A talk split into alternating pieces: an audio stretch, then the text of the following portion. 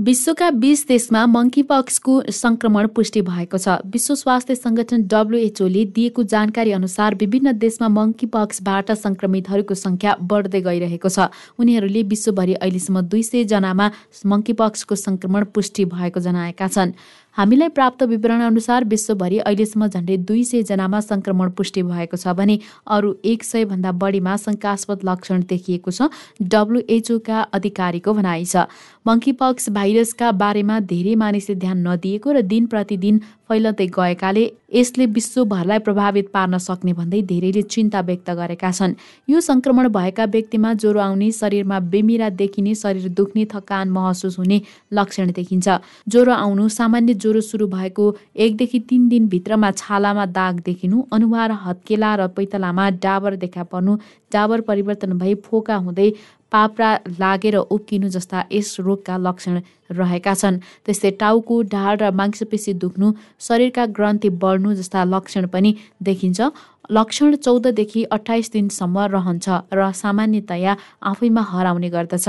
बालबालिका र रोग प्रतिरोधात्मक क्षमता कमजोर भएका व्यक्तिमा आँखामा संक्रमण र दृष्टि गुम्ने अन्य जीवाणुको संक्रमण निमोनिया मस्तिष्क ज्वरो गर्भ खेर जाने र मृत्यु जस्ता सम्भावित जटिलता देखा पर्ने जनाइएको छ। संक्रमित व्यक्ति वा पशुसँग नजिकको सम्पर्कमा आउँदा वा तिनका र्याल घाउ खटिरा शरीरबाट निस्कने तरल पदार्थ र दूषित सतह र सामग्रीबाट सर्ने गर्दछ।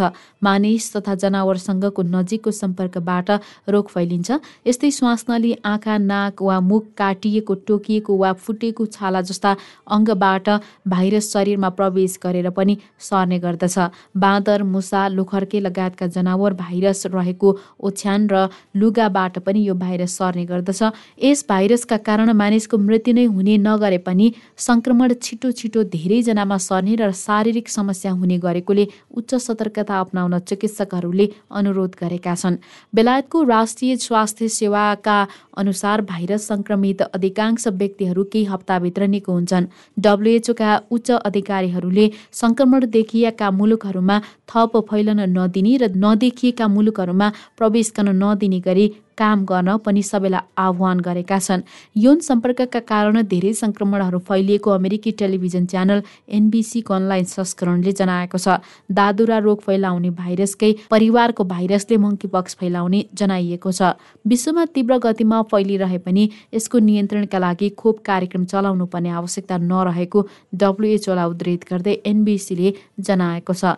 मङ्कीपक्सबाट बच्नका लागि मङ्कीपक्सको शङ्का वा पुष्टि भएका व्यक्तिसँग असुरक्षित सम्पर्कमा नजाने संक्रमित व्यक्तिलाई घरमा वा अस्पतालमा आइसोलेसनमा राख्ने संक्रमित व्यक्तिको हेरचाह गर्नेले पिपिए लगाउने नियमित रूपमा साबुन पानीले हात धुने मरेका वा बिरामी जनावरको सम्पर्कमा नजाने संक्रमित व्यक्तिका लुगा तौलिया ओछ्यान र भाँडा तातो पानीले धुने संक्रमितको सम्पर्कमा आएका सतह र स्थान निसङ्क्रमण गर्ने मासुजन्य खानेकुरा राम्ररी पकाएर मात्रै खाने गर्नुपर्दछ। अमेरिकी पूर्व राष्ट्रपति डोनाल्ड ट्रम्प टेक्सास स्कुल नरसंहारपछि बन्दुक नियन्त्रणमा गरिएको आह्वानको विपक्षमा उभिएका छन्। उनले दृष्ट विरुद्ध आफूलाई जोगाउन सबै अमेरिकीहरूलाई बन्दुक दिनुपर्ने धारणा व्यक्त गरेका हुन्। बन्दुक राख्न पाउने कानूनका कारण अमेरिकामा ठूला नरसंहार भएका र कानूनमा परिमार्जन गर्नुपर्ने आवाज उठिरहेका बेला ट्रम्पको पछिल्लो धारणा सार्वजनिक भएको हो। हाम्रो संसारमा दुष्टताको अस्तित्व कानुनी पालना गर्ने नागरिकहरूलाई निशस्त्र गर्ने कारण होइन। कानुन पालना गर्ने नागरिकहरूलाई हतियार दिने सबैभन्दा राम्रो कारणहरू मध्येको दुष्टको अस्तित्व हो। राष्ट्रिय राइफल सङ्घका सदस्यहरूसँगको कुराकानीमा उनले भने टेक्सासको एक प्राथमिक विद्यालयमा अठार वर्षीय पुरुषले अन्धाधुन्दा गोली प्रहार गरेर एक्काइस सेनाको नरसंहार गरेपछि अमेरिकामा बन्दुक नियन्त्रण बारेमा पूर्ण बहस हुन थालेको छ। रुसी राष्ट्रपति भ्लादिमिर पुटिनको सेनाले पूर्वी युक्रेनको डोनबासमा सुस्त तर स्पष्ट प्रगति गरिरहेको बेलायती प्रधानमन्त्री बोरिस जोन्सनले टिप्पणी गरेका छन्। मलाई डर छ कि पुटिनले आफू र रुसी सेनाको लागि ठूलो मूल्य चुकाएर डोनबासलाई नियन्त्रणमा लिन चाहन्छन् प्रधानमन्त्री जोन्सनले भनेका छन्। रुसी सेना निरन्तर ढङ्गले युक्रेनतर्फ अगाडि बढेकाले त्यसको प्रतिकार गर्न युक्रेनी सेनालाई सैन्य सहयोग गर्नु पनि उनले बताए। युक्रेनलाई नाजी समूहबाट मुक्त गर्न र निशस्त्रीकरण गर्न भन्दै रुसी सेनाले चौबिस फेब्रुअरीदेखि हमला गरिरहेको छ। राजधानी किब लगायतका महत्वपूर्ण क्षेत्रमा हमला गरिरहेको रुसी सेना पछिल्लो समय पूर्वी युक्रेनमा केन्द्रित छ। रुसी सेनाले युक्रेनको बन्दरगाह सहर मारियोपललाई नियन्त्रणमा लिएको दावी गर्दै आएको छ। मारियोपलको स्टिल कारखानामा लामो समयदेखि बन्धक भएका युक्रेनी सेनालाई रुसी सेनाले रिहा गरिदिएको छ। संयुक्त राष्ट्रसङ्घका महासचिव एन्टोनियो गुटेरेसले अफगानिस्तानमा भर्खरै भएको आतंकवादी आक्रमणको निन्दा गरेका छन्। आक्रमणमा हजारौं सिया समुदायका सदस्यहरू र अन्य नागरिकको ज्यान गएको थियो। महासचिवले अफगानिस्तानको मजार ए शरीफ सहरमा यात्रुवाहक सवारी साधनहरू र काबुल सहरको शरीफ हजरत जकारिया मस्जिद लगायत भर्खरै भएका आक्रमणहरूको निन्दा गर्दै दुःख व्यक्त गरेको महासचिवका प्रवक्ता स्टेफन डुजारिकले विज्ञप्ति मार्फत जानकारी दिएका छन्। गुटेरेसले पीडित परिवारप्रति गहिरो समवेदना प्रकट गर्दै घाइतेहरूको शीघ्र स्वास्थ्य लाभको पनि कामना गरेका छन्। उनले उनले जातीय र धार्मिक अल्पसंख्य लगायत नागरिकको संरक्षणका साथै स्वतन्त्रतापूर्वक बाँच्न पाउने अधिकार सुनिश्चित गर्न सबै पक्षलाई आह्वान गरेका छन्। महासचिवले जातीय र धार्मिक अल्पसंख्य लगायत नागरिकको संरक्षणका साथै स्वतन्त्र रूपमा आफ्नो धर्मको पालना गर्ने अधिकार सुनिश्चित गर्न पनि सबै पक्षहरूलाई आह्वान समेत गरेका छन्। इस्लामिक स्टेट आइएस आतंकवादी समूहले गराएको श्रृङ्खलाबद्ध बम आक्रमणबाट अफगानिस्तान प्रभावित भएको बेला राष्ट्रसङ्घका महासचिवको यो भनाई सार्वजनिक भएको हो। काबुलमा प्रार्थनाका क्रममा मस्जिदमा भएको विस्फोटमा कम्तीमा पाँचजना श्रद्धालुको मृत्यु हुनका साथै अन्य सत्रजना घाइते भएका थिए। त्यस्तै मजार ए शरीफको तीनवटा भ्यान र बसमा लगातार विस्फोटन हुँदा नौजनाको मृत्यु हुनका साथै अन्य पन्ध्रजना घाइते भएका थिए। दुई महिनादेखि कोभिड नाइन्टिनको लकडाउनबाट गुज्रिएको चीनले साङ्घाई महानगरलाई पुनः खुला गर्ने भएको छ। साङ्घाईमा आगामी बुधबार अर्थात् एक जुनदेखि लकडाउन अन्त्य गर्न लागेको चिनिया अखबार साउथ चाइना मर्निङ पोस्टले जनाएको छ। संक्रमणका घटना कम हुन थालेपछि धेरै मानिसहरूलाई उनीहरूको घरबाट बाहिर निस्कन अनुमति दिइएको छ। गत साता थप व्यवसायहरूलाई फेरि खोल्न अनुमति दिइएको थियो। यद्यपि अधिकांश बासिन्दाहरू उनीहरूको आवास कम्पाउन्डहरूमा सीमित रहेको बताइएको छ। सरकारले सार्वजनिक स्थानमा हिँडडुल गर्दा मास्क लगाउन र भेला नहुन अनुरोध गर्दै आएको छ। सामाजिक सञ्जालमा देखिएका केही भिडियोमा सहरको मध्य क्षेत्रमा शुक्रबार राति रमाइलो गरिरहेका मानिसहरूलाई प्रहरीले अवरोध गरेर उनीहरूलाई घर जान अनुरोध गरेको देखिन्छ। उता राजधानी बेजिङमा भने कोभिड सम्बन्धी कडा प्रतिबन्ध कायमै छ। संक्रमण घटे पनि बेजिङमा मानिसका गतिविधिमा भने कठोर प्रतिबन्ध लगाइएको जनाइएको छ। सङ्घाईका अधिकारीहरूले शनिबार निरन्तर सतर्कता सतर्कता अप्नाउन आग्रह गरेका छन्। लकडाउनका कारण साढे दुई करोड मानिस बसोबास गर्ने साङ्घाईमा व्यापार व्यवसाय प्रभावित भएको जनाइएको छ। अफ्रिकी मुलुक इथियोपियामा एक दर्जनभन्दा बढी पत्रकार पक्राउ परेको सञ्चारकर्मी तथा अधिकारकर्मी समूहले बताएका छन्। अन्तर्राष्ट्रिय समुदायले चासोको साथ हेर्दै आएको उक्त धरपकडमा अपराध विरोधी अभियानमा संलग्न चार हजारभन्दा बढी मानिसहरूलाई पक्राउ गरी कडा सुरक्षा नियन्त्रणमा राखेको पत्रकार तथा अधिकार समूहहरूले बताएका हुन्। पछिल्लो समय अभियानबारे समाचार लेखेको आरोपमा पत्रकारहरूलाई पनि निशाना बनाइएको बताइएको छ। हालैको गिरफ्तारीमा अम्हारिक भाषाको पत्रिका फितियाका प्रधान सम्पादक टेमेजन देसाल लेगन पनि परेका छन्। उनलाई बिहिबार बिहान आफ्नो कार्यालयबाट सादा पोसाकमा आएका सुरक्षाकर्मीले पक्राउ गरेको उनका सहकर्मी मिस गन जिनाबुले एएफपीलाई बताए। उनले भने सुरुमा त उनीहरूले टेमेजनलाई स्थानीय प्रहरी चौकीमा लगे सुरक्षा बलले उनलाई पछि गोप्य स्थानमा सारेको छ। उनलाई कहाँ राखिएको भन्नेबारे कुनै जानकारी आएको छैन।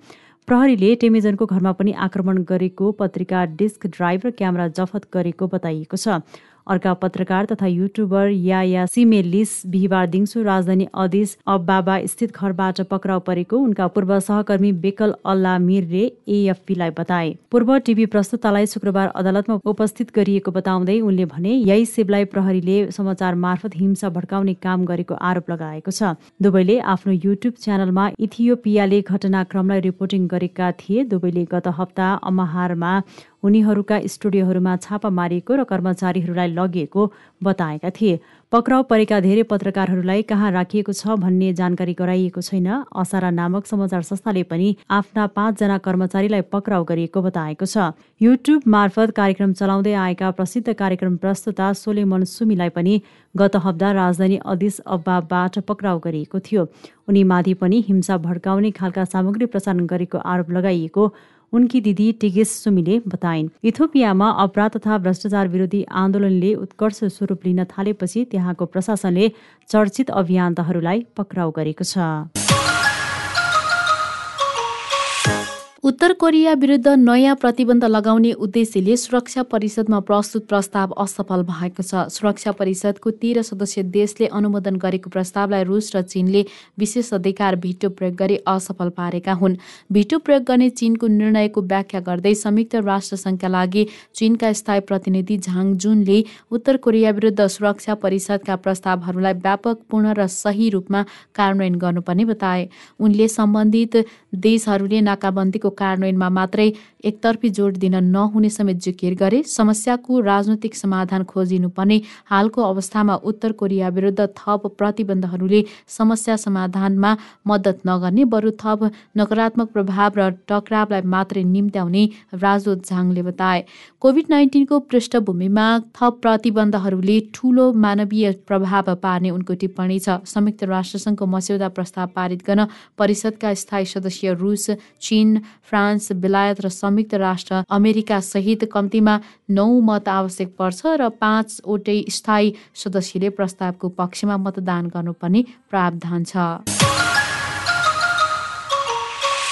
र भारत र पाकिस्तान बीच सोमबार भारतको राजधानी नयाँ दिल्लीमा वार्ता हुने भएको छ। भारतीय समाचार संस्था एएनआईका अनुसार सिन्धु जलस्रोत स्थायी आयोगको एक सय अठारौँ वार्ता सोमबार नयाँ दिल्लीमा हुन लागेको हो।